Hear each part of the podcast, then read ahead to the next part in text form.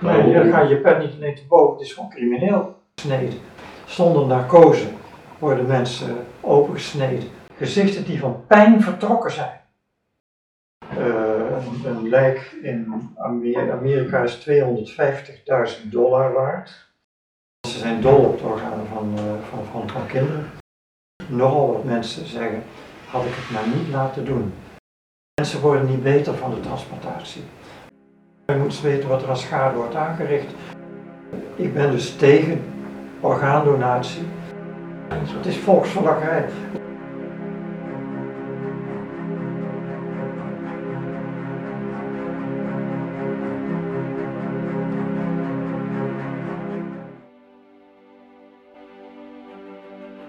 So, I want to talk to you today about the future. And that's why so many are calling for a great reset. I see the need for a great reset. We will have not less, we will have more globalization. In the coming decades, AI and biotechnology will give us Godlike ability.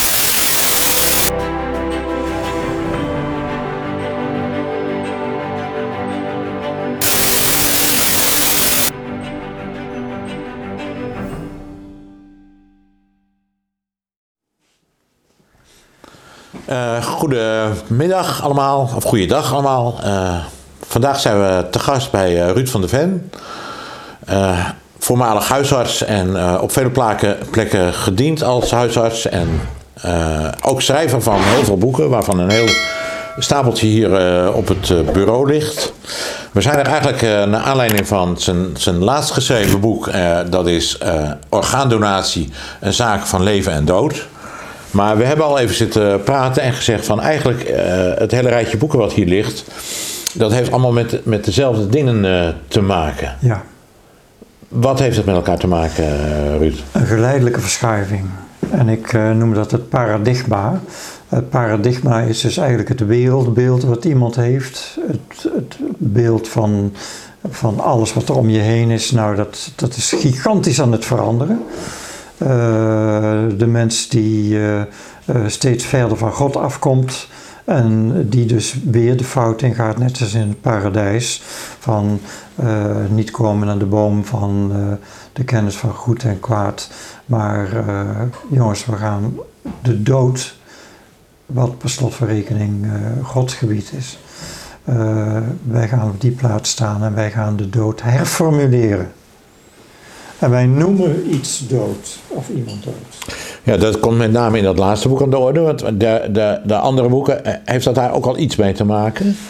Ja, dat, heeft dus, dat is een zoektocht naar de waarheid eigenlijk. Dat is eigenlijk, uh, zou ik een soort journalist kunnen zijn wat dat betreft. Ik ben uh, van de politie, waarheidsvinding. Ja. En uh, een boek hier tussen van de stekker en contact, hoe lees ik de Bijbel. Ja. Dus dat gaat echt eventjes over theologie. Ik heb ook Ja. een HBO-opleiding theologie gedaan. Verder uh, ben ik heel diep ingegaan op de alternatieve geneeswijze. Nou, er zijn er uh, meer dan 450 van. En die heb ik geprobeerd in enige volgorde bij elkaar te zetten. Ja. Om mensen een handreiking te doen van waar moet je op letten en wat kun je doen als je buurman bezig is met reiki of met iets anders. Uh, wat kun jij als christen doen en hoe kun je die persoon bereiken. Ja. En um, stel het probleem is nu dit. Hoe bereik ik mensen? Nou, ik heb hele fijne gesprekken gehad hier met die mensen die, die daar aan het hak aan het boren zijn afgelopen zaterdag heel lang gesproken. Dan kom je langzamerhand toch op het geloof. Ja. En dan haak ze af. Maar dan hoor ik ook van de NVA, maar ik ben wel christen. Dus dat is. Uh, Ze haken af over het geloof en ze zeggen toch christen te zijn? Nee, ze zijn heel erg geïnteresseerd in die orgaandonatie. Ja. Ze zien dat er gesjoemeld wordt, dat er gelogen wordt bij het leven door de overheid. Dat zien we nu trouwens hier bij corona ook, er wordt gelogen, dus ik weet niet wat. Uh, nou, de vader van de leugen is ons bekend. Uh, dat is de boze. Maar uh, een van de wapens die de boze uit de kast haalt in deze tijd, die nu op dit moment voor de deur staat, dat is langzamerhand de mens is God. Als God te zijn. De Precies, mens hè? is God. Ja. Precies zoals het er staat. Maar je zult zijn als God. Ja. En dus hebben wij God niet meer nodig. En dus zijn er veel zogenaamde christenen die afhaken in de kerk. En dan kom je helemaal terecht bij dit, want als we in het ziekenhuis komen, dan helpt de dokter je wel aan een nieuw orgaan. Als het bij mij niet goed gaat, in het verleden kon ze weinig doen, maar dan ga ik nu voor een nieuw hart. Ja, dat is een ontwikkeling. Ik, ik herinner me nog dat ik, eh, ik heb je net gezegd dat ik hier in Dordrecht op school zat. Ik, eh, ik liep over de Singel, dat zal eh, ongeveer 1969 geweest zijn. En toen was er bij een, een sigarenboertje een, grote krantenkoppen van eerste harttransplantatie ter wereld uitgevoerd. Door dokter Anders Bernard. Barnard. Uit Kaapstad. Ja, klopt. Ja, en een half jaar daarna had de ad hoc commissie van de Harvard Medical School had op papier de nieuwe diagnose voor de dood is de hersendood. We gaan af van die oude diagnose waar we eigenlijk al duizenden jaren bekend mee zijn. De leek ziet het, de verpleegkundige ziet het, de arts ziet het. Nee, wij gaan een andere kant op. Wij gaan een andere definitie van de dood. Namelijk de, de definitie die ons uitkomt. En die definitie die eh, eh, heeft dan te maken met de dood van de hersenen. Terwijl je, ik zou het vertalen liever in een falen van de hersenen. Ja, als jouw nier faalt, kun je moeilijk zeggen, die man is nierdood. nee, nee, Of leverdood. nee. Dus je, eh, ik zou zeggen, het is het falen van de hersenen, die heel veel tijd nodig hebben om te herstellen, maar ze herstellen nog niet allemaal. En er zijn er een aantal die, die inderdaad het niet halen. Maar ik denk dat er echt heel veel meer mensen zijn die het wel halen als er een aantal dingen aan de protocollen wordt toegevoegd die op dit moment niet erop staan. Want daar ben ik een boek op ingegaan. Ja, heb ik gezien. Ja. Nog even, even terug naar dat toen eh, het protocol werd veranderd, eh, eh, namelijk van het vaststellen van de dood. Ik weet nog dat toen ik bij de politie werkte, hebben we ook veel met ongevallen te maken hadden, maar er was er maar één die de dood mocht vaststellen. Dat was de, de, de arts, Ja. hè, of de lijkschouwer, maar nee, eigenlijk de arts. Die, eh, eh, behalve dan als het hoofd van de romp gescheiden was, dan mochten we het zelf eh, vaststellen. Ja. Maar in alle andere gevallen, dat moet jij ook dikwijls gedaan hebben. Ja. Hoe, stelde je de, hoe stelde je vroeger de dood vast van iemand? Ja, eigenlijk, ik denk dat je tegenwoordig eh, nog meer uit eh, de kast haalt, maar vooral deed is dus eh, de pupilreactie. De pupil die vernauwt niet meer licht en is vervormbaar. Dat is dus heel typisch. Hè? Dus, als je op de bol, bol duwt van het oog, dan zie je dus die pupil ovaalvormig worden of veranderen. Het is niet mooi rond meer. Verder zie je het aan lijkvlekken. Je ziet het aan eh, ja, de ontbindingslucht die er eventueel is. En het hart klopt niet meer, de ademhaling is er niet meer, het bewustzijn is er niet meer. Iemand ziet er niet alleen dood uit, maar is dood. En eh, ik denk, eh, ja, het zijn de kleine dingen. Ik, ik ben ook een tijd uh, gemeente lijkschouwer geweest, dus dan moet je ook letten op kleine details ook van, jongens, is er misschien iets dat er eh, criminaliteit in het spel is. Maar eh, dat is de normale tijd. En ik heb laatst een, eh, eh, een arts gesproken van geriater. En die zei ook nog van, als mij gebeld wordt van iemand, de verpleegkundige zegt iemand is net overleden, de familie is erbij. Dan kom ik over een half uur om de dood vast te stellen. En ik heb hier een soort schemaatje gemaakt. Er is nooit een er is geen schema. Er, is helemaal geen schema te maken van, want dan zeggen mensen precies van hoe lang moet je nu reanimeren? Hoe lang ga je daarmee door? Ik heb toch geprobeerd om iets op papier te zetten en dat is heel erg de moeite waard. Ehm, dat is namelijk, eh, dat komt namelijk eh, misschien nog tevoorschijn. Is het na vijf tot zes minuten zoals in het EHBO-boekje staat, of is het Nee, zegt het EHBO-boekje, pas even op. Als iemand onderkoeld is, kan het soms wel een uur zijn. Iemand die in eh, de winter in eh, het water heeft gelegen. Zeker, ja. En bij een klein kind kan het sowieso al 15 minuten zijn. Dus je moet niet zomaar lopen te roepen van 5 minuten en elke seconde telt. Nee, je moet je verstand gebruiken, want en je moet alle omstandigheden bij elkaar optellen. En dan ga je verder kijken. En dan zie je een bepaalde lijn. En, eh, Wij hebben in, in Aalsmeer, waar ik als politieman heb gewerkt op de Westeinderplas, iemand een keer onder het ijs vandaan gehaald. Die was er doorheen gezakt. Die kwam na een half uur, hebben we die er onderaan gehaald. En die is totaal hersteld. hersteld. Ja, Totaal hersteld. ja dat, is, dat is fantastisch. Ter- terwijl als, toen hij eronder vandaan kwam, dachten we, nou ja, dat is natuurlijk Ja, gebeurd. ja. Toch de ziekenhuis in enzovoort, eh, reanimeren. En Tot, die man liep, een week later liep hij weer op straat. Ja. Dus iemand kan dan na een uur onder ijs gelegen te hebben, gewoon weer bijkomen. Nou, dat EHBO-regeltje, dat telt dan niet. Verder is zo dat de diagnose, zoals die gesteld wordt door de, eh, de wet orgaandonatie in ons land, is dat er sprake moet zijn van een totale sterfte van de hersenen, van de hersenen, kleine hersenen ook, van de hersenstammen van het verlengde merg. Maar wat zijn ze gaan doen? Ze zijn nu onderzoek gaan doen en wat blijkt, die totale dood van de hersenen bestaat niet. Hebben ze ooit eh, obducties gedaan? Ja, te Een weinig. obductie is het openmaken van het lichaam Ja. om te onderzoeken wat er echt aan de Te hand is. weinig. Ja. Maar als ze die obducties deden, dan konden ze soms zelfs na een uur nog weinig veranderingen zien.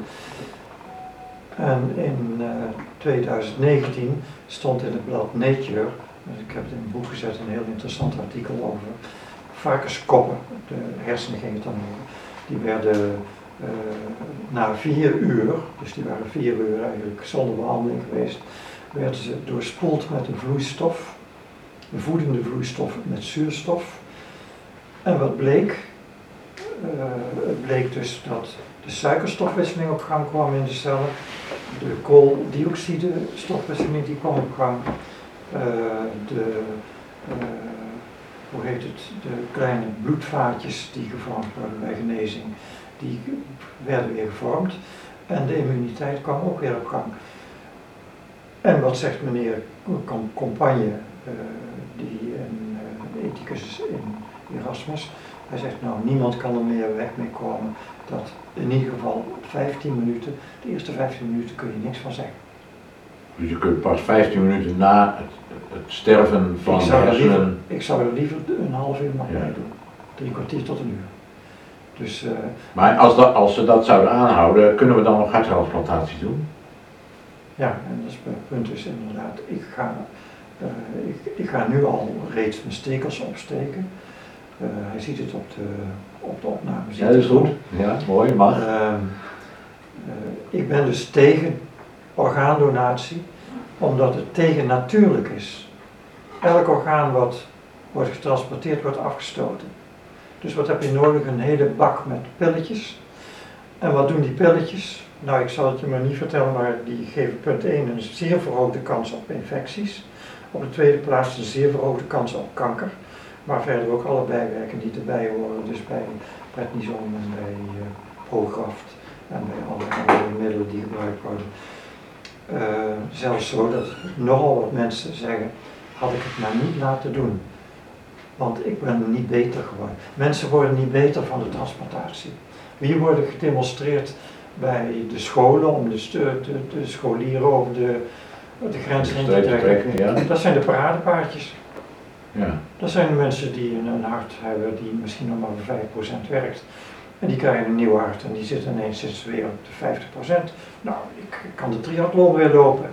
En eh, iemand anders heeft een, eh, een lever die niet meer functioneert. Nou, ik, ik heb weer energie, ik kan weer dit, ik kan weer dat, ik kan weer zus, ik kan die komen.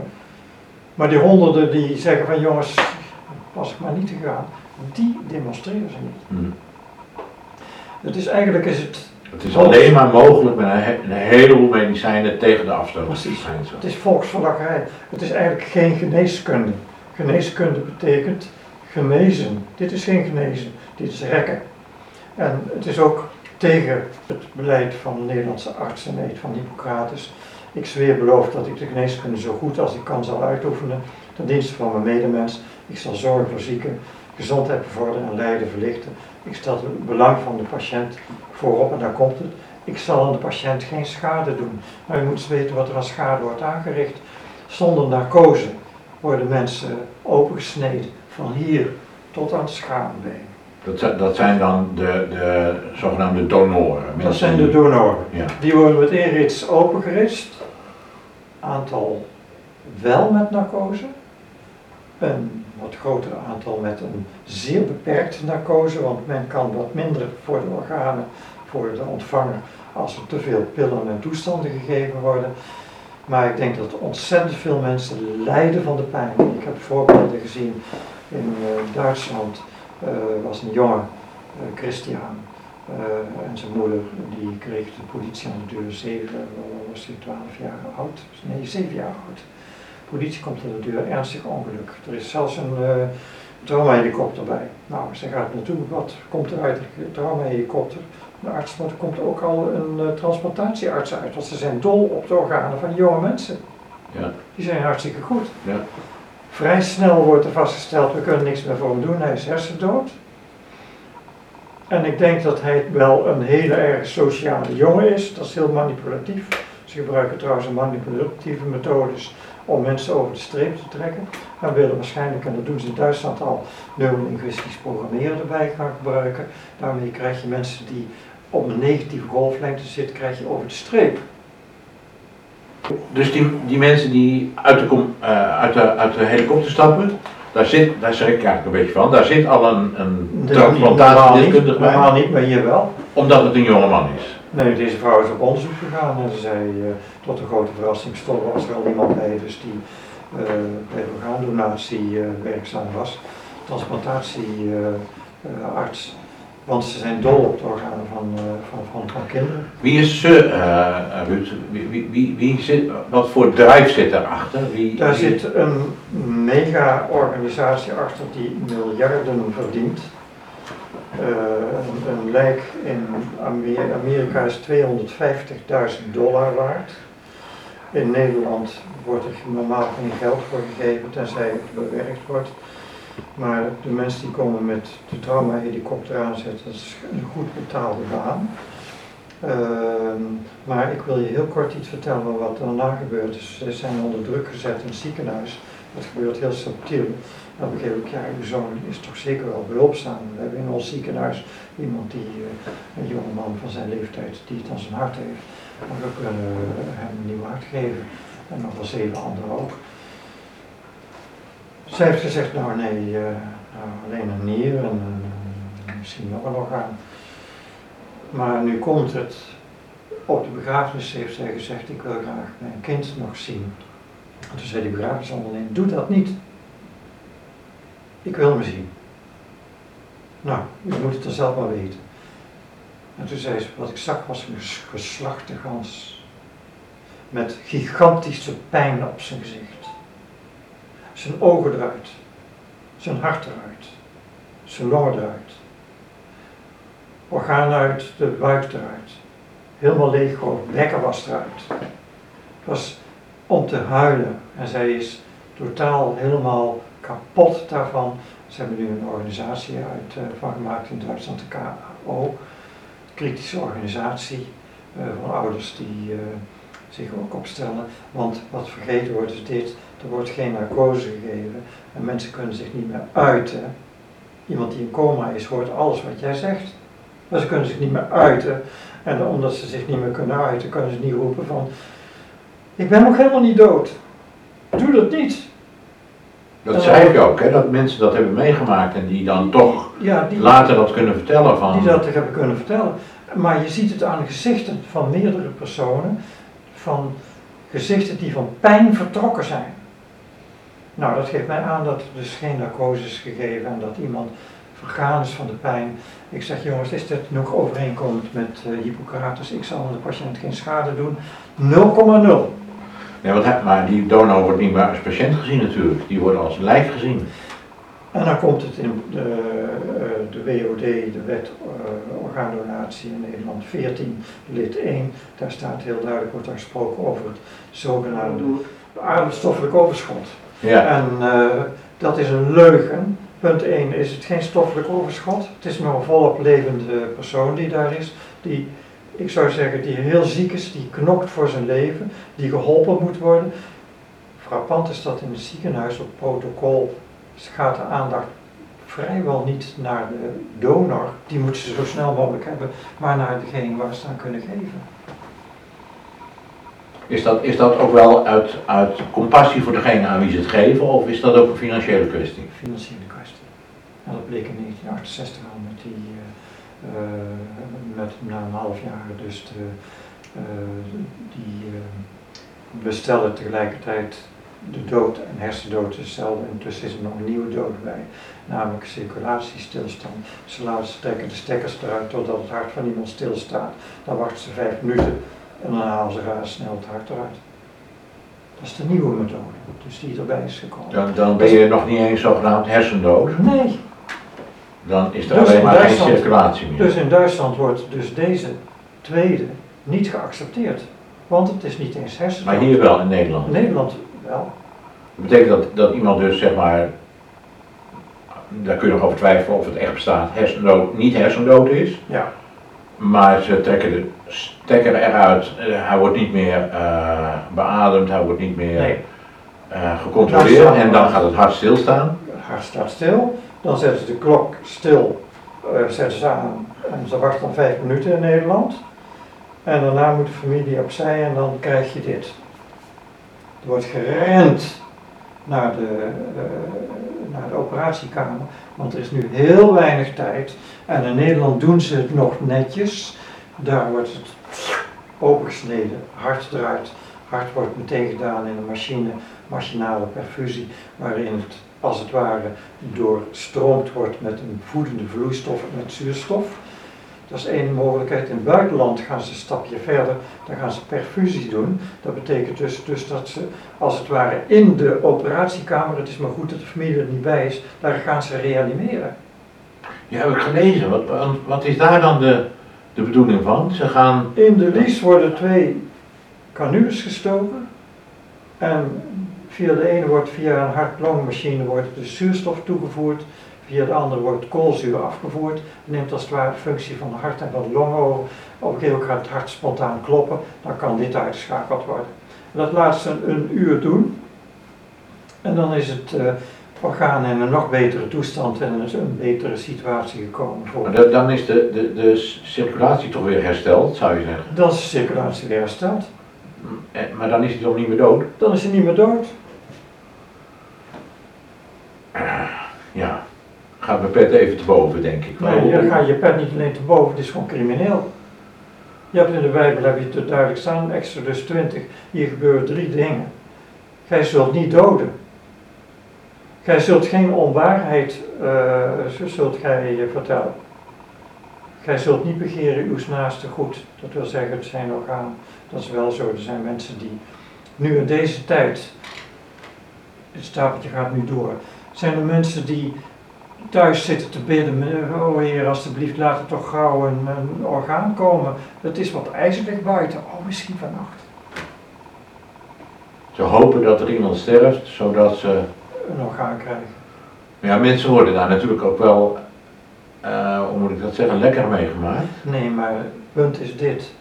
Wij leven in een tijd dat er geen rekening meer mee wordt gehouden. Dat mensen leven en sterven. Nee, de sterfte wordt nu uitgesteld. Ik noem het maar uitstellen. Door eh, allerlei eh, kunstjes die ze uitvoeren. Want op het moment dat de longen het af laten weten, moeten ze weer nieuwe longen hebben. En laat die het afweten, moeten ze weer nieuwe longen hebben. En het is gewoon, het is gewoon geen geneeskunde. En daarom eindigt dit, dit boek met alternatieven. Jongens, die alternatieven krijgen geen kans. De fondsen zijn te over voor miljoenen voor die hele miljardenbusiness. Ik noem het gewoon een miljardenbusiness van Big Pharma. Die verdient enorm veel aan al die pilletjes. Overigens uit, wat nou, ik ook las in, in het boek, uit een hele duistere oorsprong, hè, met die meneer Beecher. duistere oorsprong van meneer Beecher, want dat is niet best. 1968 is er een 13-koppige groep die bij elkaar zijn en het hoofd van die groep is een meneer Henry Beecher. Wat heeft die man op jongere leeftijd gedaan? Hij had de naam Oenangst. Dat is wel een bijzondere naam eigenlijk. Hij vond het een rotnaam, want zijn vader die was nachtwaker bij een of andere club, eh, was aan de drank en hij was niet trots op zijn afkomst, dus hij wilde een wat eh, beroemdere naam hebben, onder andere van degene van de negerhut van Amton. Dat is ook een Beecher. Dus hij noemde zichzelf Beecher, dat is de eerste verandering in zijn paradigma. Paradigma betekent dus verandering van jouw visie. En nou ga ik de verandering van de visie ga ik zo ver doorvoeren dat jij die slapende man of vrouw of kind die daar zit, die ga ik zo ver doorvoeren dat jij zegt, ik heb er moeite mee, maar die persoon noem ik dood. Maar ja, die meneer Wiescher had dat, dat is bijna Engeland zeggen, maar die had dat wel geleerd in Nazi-Duitsland, hè? Hij is in Nazi-Duitsland geweest. Daar heeft hij eh, eh, zich eh, eigenlijk met kopstukken van nazi's die gespecialiseerd waren in het martelen van mensen om ze, om, ze aan het praten te krijgen. En hij was daar heel erg door geraakt. Hij wilde dat goed onder de knie krijgen. Hij is gaan experimenteren met allemaal middelen die Geraakt betekent dat, dat hij het interessant vond. Hij, hij wilde vond het interessant. Dat betekent zijn identiteit was al veranderd, zijn naam was veranderd, maar zijn identiteit veranderde nog verder, langzamerhand in de richting van, ik zou bijna zeggen duivelse, namelijk ik noem wat leven is. God is leven. Jezus is de weg, de waarheid en het leven. En dan ga je tegen het leven zeggen dat is dood. Ja, Dat is crimineel. ja. Dit is verschrikkelijk. Nou, in die tijd leven wij nu dat ehm 25% is niet eh, geregistreerd nog. En ik hoop dat de mensen bereikt worden die niet geregistreerd zijn, die zich snel gaan uitschrijven. Ik hoop dat er nog meer mensen zijn die zich snel gaan uitschrijven. Want dat is, dat is ook een manier, hè? dat noem je bij de alternatieven. Er zijn een heleboel alternatieve methoden. Stamcelmutatie, kunst, kunstorganen en dergelijke. Er zijn Precies. Allerlei dingen die je ook Precies. kunt doen en die niet, niet verder worden Nou, onderzocht. als de mens in staat is om naar de maan te kunnen, Ja, Als de mens in staat is om allerlei eh, dingen te kunnen die wij tegenwoordig allemaal eh, doen, dan is, moet het toch een klein kunstje zijn om eh, de apparatuur die steeds verfijnder wordt met hulp van de overheid. Want de overheid geeft geen rode cent hieraan. Het komt allemaal van fondsen van bedrijven. business. Het gaat gewoon om business. En de mensen die, eh, eh, de mensen dus die eh, de nieuwe organen krijgen, die worden niet genezen, maar die, die worden ziek. Ze krijgen allerlei ziektes, ze krijgen suikerziektes, ze krijgen opgeblazen gezicht, ze krijgen hoge bloeddruk, ze krijgen hersenafwijkingen, ze krijgen allerlei dingen die... eh, Een heel mooi apparaat gaat een weer. kunst, kunsthart. En eh, degene die daar het langste mee rondloopt in eh, Europa is negen jaar. Nou, dat vind ik eh, eh, perfect. En waar wordt dat van gemaakt dan, eh Ruud, dat kunsthart? Dat wordt gemaakt van siliconen.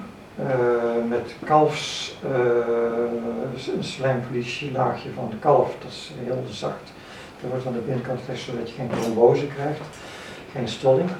En ehm, eh, dat wordt eigenlijk steeds kleiner gemaakt.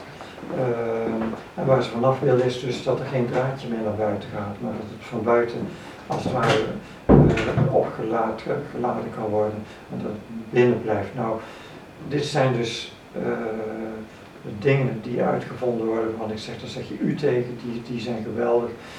Ja. stop daar je geld in en stop het niet in al die stomme dingen waar je mee bezig bent. Want dat zou ook voor levers en nieren en longen wellicht mogelijk zijn. Alles. En met de stamcellen kun je, wat heel erg mooi is, je hebt met de stamcellen heb je de zogenaamde iPSC-cellen. Dat zijn de cellen dus die, als het ware, een stamcel. Even kijken. Een stamcel, hier heb je een, eh, ik noem maar wat, het is een hartcel. Ja? Eh, en dan ligt hiernaast ligt bijvoorbeeld een, een. Bindweefsel. Dat, dat is uitgedifferentieerd, als ik het zo mag zeggen. Dat je als het ware deze cel tot een stamcel gaat maken, door namelijk de, in de eicel, als dit de eicel zit, daar zitten hele kleine stofjes in blaasjes, transcriptiefactoren, die kunnen eruit gehaald worden, die kunnen overgebracht worden in deze cel en dan wordt het de stamcel. Bijzonder. En die stamcel die maakt alle cellen van het hart. Een hartspiercel, een endotheelcel waar de bloedvaten van gemaakt worden, een eh, bindweefselcel, een, eh, de oligodendrocyten zijn de steumcellen die... Dat moet wel gestuurd worden dan, denk ik, of niet? Of gaat Dat wordt in het laboratorium wordt dat gedaan, daar zijn ze heel knap en heel ver mee. Maar als dat, die onderzoeken die kosten miljoenen. Voordat dat geaccepteerd wordt, eh, dat zijn vaak vier fases. Eh, maar voordat het geaccepteerd wordt, moet je al die fases door en dan ben je miljoenen verder. En die miljoenen krijgen ze niet van de overheid, net zo min als je de ivermectine of de andere middelen krijgt.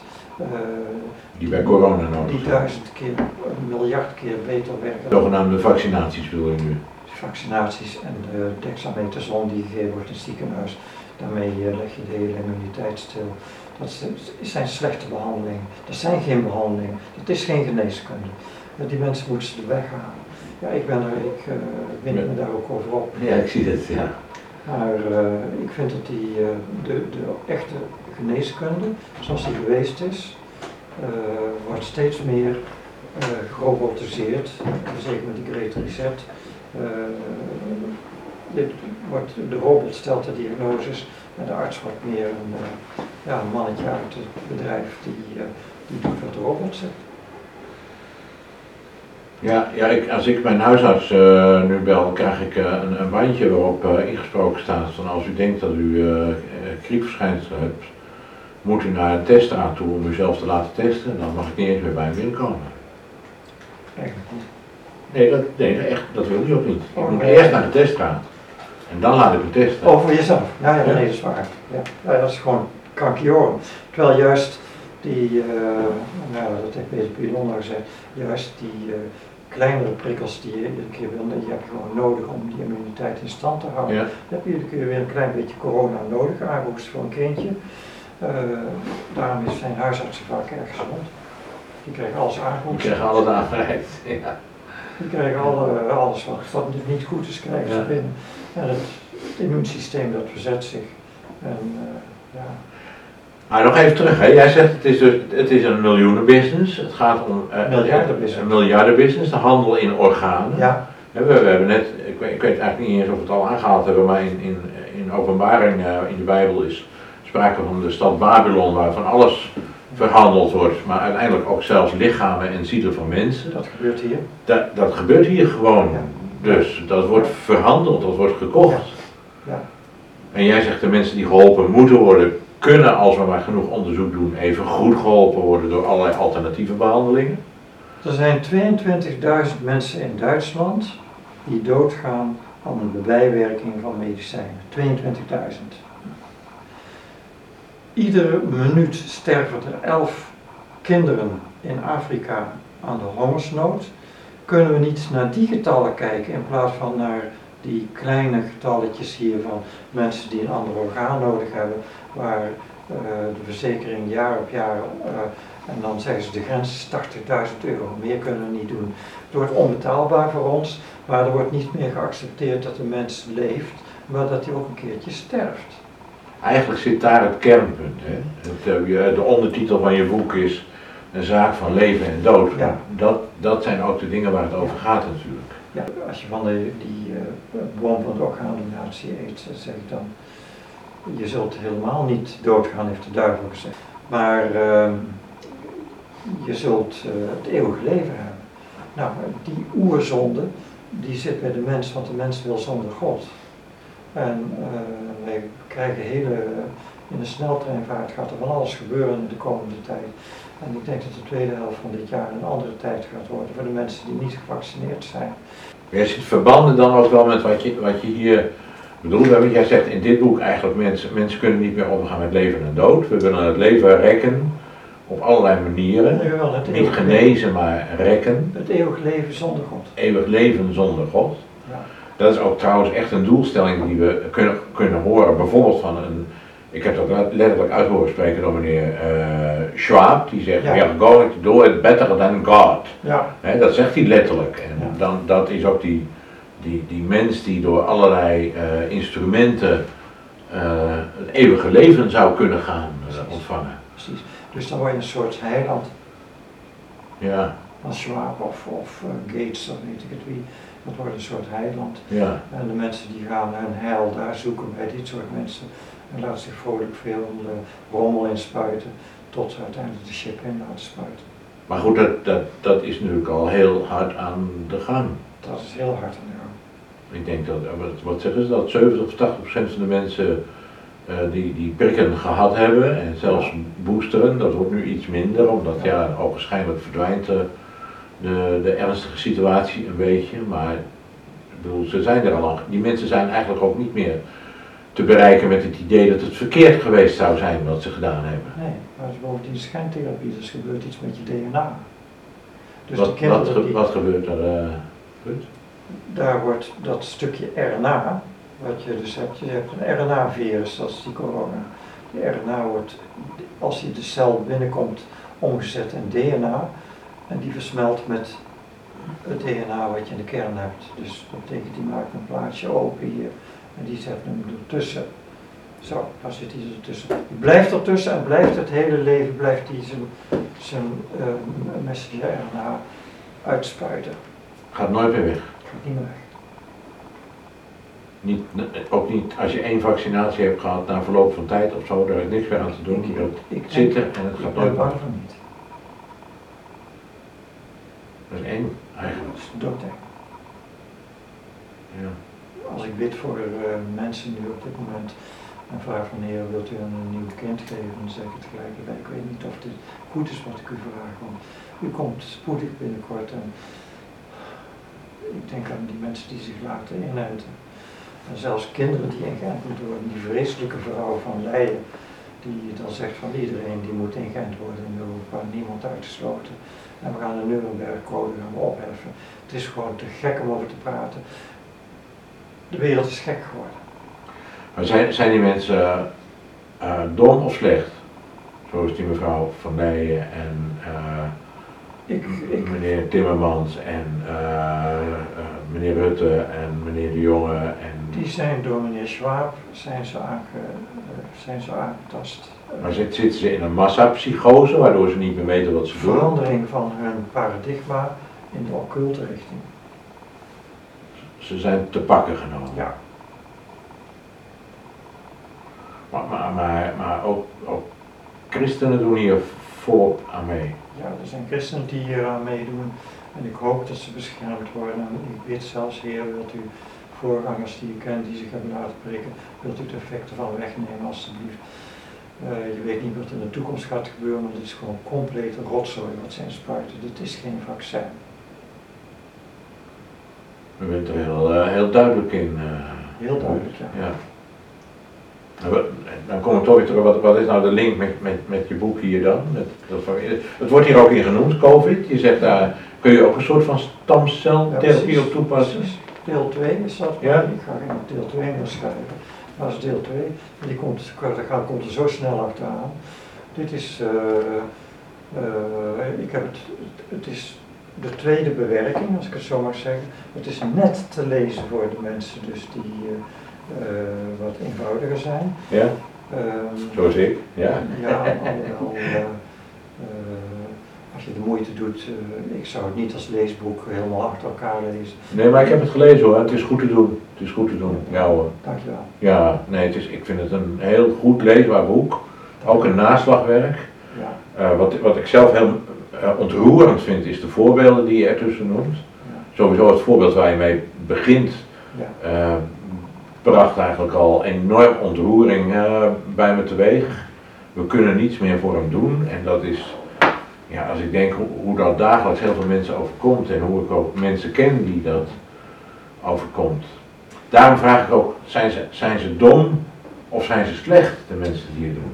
De mensen dus die het aangaat, die een kind verliezen of een geliefde verliezen in het ziekenhuis, die zijn niet dom, die zijn niet slecht, maar die worden erin getart, Die worden beetgenomen. worden beetgenomen. Die zijn gewoon, eh, En de arts die dat hart eruit snijdt, dat zijn mensen die eh, eh, maken de, de mens die leeft daar tot gemüse, oftewel groente of een restkörper, of tot een ding. Het is geen persoon meer, maar het is een ding. En een ding, daar kan ik op snijden. En dat is misschien een mooi voorbeeld. Ik weet niet eh, of dat er nog bij kan. ja hoor. God die boetseert. Het enige, hij schept door het woord, waarbij de mens gaat die boetseren. Dat komt heel dichtbij bij de mens. Hij gaat boetseren. Hij maakt een mens met alles erop en eraan. En daarna blaast hij Nushima in de neus de levensadem binnen. En dan komt de leven, de ziel komt binnen. Het wordt een levende ziel. De ziel komt binnen. Als een lichaam nog leven vertoont, dan is de ziel is er nog. Gods adem, Gods adem. ziel. Dus zolang het, als het hart nog klopt, als al het hele lichaam bij wijze van spreken nog werkt, alleen werken werk je hersenen, je hersenen die zijn, die zijn, zijn aan het knokken om er doorheen te komen. Ehm, en er kan nog van alles en nog wat gedaan worden. Maar ja, dan ben je nog een levende ziel, zeg Je bent nog een levende ziel. Je bent gewoon nog steeds een Je beeld van God. Je bent nog steeds een beeld van God. Dat staat zo mooi in de Bijbel, in Ja. eh, Johannes 19. Ik vond het zo ontroerend zoals dat het stond. Jezus wordt van het kruis gehaald en ze legden Jezus in het graf. Dat schrijf je ze ook, legden hè? niet een lijk in het Nee. graf, nee, ze legden Jezus met zijn zegenende handen, met zijn woorden die hij uit zijn mond gesproken heeft. Dat lichaam is niet afval, is geen recycling, is geen, geen, geen onderdeel van een auto met een heleboel onderdelen, maar het is een, levend wezen, een levende ziel. Vor- Vorige week las ik in de, in, eh, in de krant, meen ik, dat, dat eh, wetenschappers hebben nu eh, een combinatie kunnen maken van een, een varkenscel en een menscel. Een soort eh varkensembryootje met menselijke eh, eh, combinaties. Dat is ook bedoeld om daar organen in te kweken. Wat, wat, wat, moeten we daar nou eigenlijk van denken? Nou, zonder meer af te keuren. Ja, want? Je knoeit, eh, kijk in wat ik mooi vind, God maakt de, de dieren naar hun aard Ja, en de mens, eh, eh, bij de mens maakt hij hun niet naar hun aard, maar naar zijn het beeld beeld, ja. van de Heer Jezus en van de Vader en van de Heilige Geest. Ik denk dat zijn twee totaal verschillende eh, scheppingsordeningen en daar moet je met je vingers vanaf blijven. Dus ik denk dat geknoei ook iemand die is bezig, als Italiaan is bezig, om een hoofd te transplanteren eh, in Italië. Hij wil het nu gaan doen met hersendoden, het hoofd van de een op de andere zetten. Ik word er kotsmisselijk van. Ja, ja, dat, eh, ja, dat zijn hele nare dingen om, eh, om te horen ook, ja. Ja. ja. Ja. Het, het heeft natuurlijk echt gewoon met opstand tegen God te maken. En dat is eigenlijk die hele, die hele Great Reset ook, hè? een soort opstand tegen God. Wij willen Helemaal. het zelf beter gaan doen dan God. Helemaal. Ja. En eh, ja, al die onderwerpen die erin voorbij komen, die voor heel veel christenen trouwens ook gewoon heel acceptabel lijken. Hè? Het wegdoen van de armoede of toegang tot gezondheidszorg. Die zijn allemaal, als je wat dieper gaat kijken, zit daar een, zit daar een ondergrond achter die, die niet goddelijk is. Ik ben bang dat er mensen, ook christenen, die zich heel veel laten inenten, een andere paradigma krijgen. Dat hun geest daardoor veranderd wordt, zou je zeggen. Dat het geestelijk iets met je doet. Ik heb een, eh, bij iemand dat ik mee het laatst eh, door de telefoon sprak, ik legde hem eenvoudig iets uit. Ehm, en ehm, dat was zo eenvoudig dat een kind het zou kunnen begrijpen. Ik, ik heb het één keer verteld, ik heb het twee keer verteld, ik heb het drie keer verteld, het kwam niet binnen. Ik denk, jij bent een intelligente man, hoe kan dat, hoe kan dat? En later kwam ik het bij een ander tegen. Dus mensen moeten stoppen met eh, eh, vaccinaties aan te nemen, want het immuunsysteem gaat naar de knoppen en je geestelijk leven gaat naar de knoppen. Want de laatste, de duivel probeert ons uit de hand van God te roven. Nu staat er gelukkig in de Bijbel dat eh, niemand kan ze uit mijn hand roven, maar hoeveel naamchristenen zijn er? Ja. En die dan niet meer eh, Jezus kunnen binnenlaten, als het ware, eigenlijk. Eigenlijk Ja, is het een... een, Ik durf er bijna niet te denken. Nee, hè? Nee. Maar ja. Wat God wil, als hij wil dat hij nog binnenkomt, komt hij nog binnen. Ja, hè? Ja. Ja. Ja, die in de hemel zetelt gaat erover natuurlijk, uiteindelijk. Ja. Misschien nog één ding wat ik eh, zo over het hele verhaal verteld over dood. Eh, en persoon, daar wordt ook zo over gesproken. Dus er is, iemand is geen persoon meer als hij eh, hersendood is. Dan zeg ik, en iemand die slaapt, is die dan ook, is die ook geen persoon meer? Want ik heb ook geen contact meer met hem. Of een zygote, een be- bevruchte eicel, dat is een, een persoon in wording. Eh, of een embryo of een foetus. Eh, en een anencefaal die geen hersenen heeft, is dat ook geen persoon?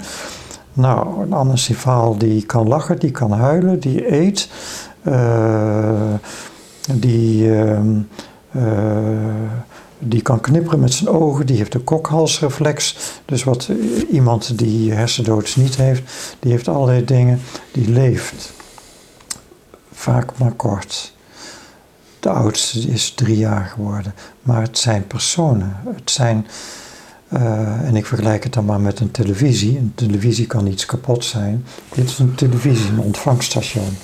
Maar jouw bewustzijn, jouw ziel, eh, die is helemaal intact. Ook bij mensen die dement zijn. En als dit, alleen dit apparaat werkt niet helemaal zoals het zou moeten werken. En als dit apparaat hersteld wordt, dan kan het zijn werk meer doen. Maar het betekent niet dat iemand die, dement is niks meer is, dat hij geen persoon meer is. Maar die persoon kan zich niet meer uiten. De ethergolven, die zijn er nog. De televisiegolven zijn er nog. Maar iets in de televisie doet het niet. Dus mogelijk van binnen weet hij nog wel gewoon precies wie die is en wat die. Ja, Alleen hij kan het niet meer uiten. hij kan het niet meer kan uiten. er niet. eh, Hij kan het niet meer uiten. ja. Even, ik heb nog, nog, nog twee, eh, twee vragen. Je bent eigenlijk over, eh, over vaccinatie en boosters enorm duidelijk geweest. Dat was niet het allereerste onderwerp, maar wel belangrijk dat het erbij kwam, want dat heeft er alles mee te maken. Ja. Met, met het willen heersen over de dood en over het Ja. leven. Ja. En jouw, jouw ondubbelzinnige advies aan iedereen is: als je er al mee begonnen bent, ga er niet mee door. Stop, ermee. Stop Stop ermee. Ja. Eh, twee is, en dat is echt wel heel direct eh, aan de hand van dit boek, er is natuurlijk een, een eh, register gekomen waar mensen zich kunnen registreren, moeten registreren als ze geen donor willen zijn. Ja. Hè, want zo zit het nu. Als mensen niets gedaan hebben, Ja. dan zijn ze automatisch donor. Ja. Dan kunnen ze dadelijk, is, van, van, van welke leeftijd is dat eigenlijk? Als, als je een kind hebt van 13 die niets gedaan heeft, is die dan ook automatisch donor? Tot het 16e jaar mogen de ouders nog eh, veranderen. Na het 16e jaar niet meer. Dus je hebt een jongen van 17 jaar en die komt om op de brommer. Eh, die is hersendood of wat dan ook. Dan is die automatisch donor. Ja, en ze kunnen zelfs de organen er al uithalen. Voordat ze met de ouders gesproken Als het te lang duurt om met de ouders met andere contacten te krijgen, kunnen ze zelfs al beginnen, want ze willen de organen kosten, ko- kosten wat kost, in goede conditie houden. En eh, in Nederland doen ze het zogenaamd beter dan in andere landen. Vergeet het. Ik heb daar een hoofdstuk van eh, wat er in Nederland allemaal gebeurt. Het is in Nederland ook een zootje. Ja, het verschilt erg per land. Dat heb ik ook wel eh, Ja. Uit, het boek eh, kunnen lezen. Ja. Zeker, zeker, overigens zeker een aanrader voor iedereen die er meer over wil weten. En die, die beargumenteerd zou willen weten waarom je eh, in het donorregister moet opnemen dat je geen donor bent. Hè, want dat is het dan. Eh, als, je, als je daar de argumenten achter wil hebben, nou dan heb je in dit gesprek al enige informatie gekregen.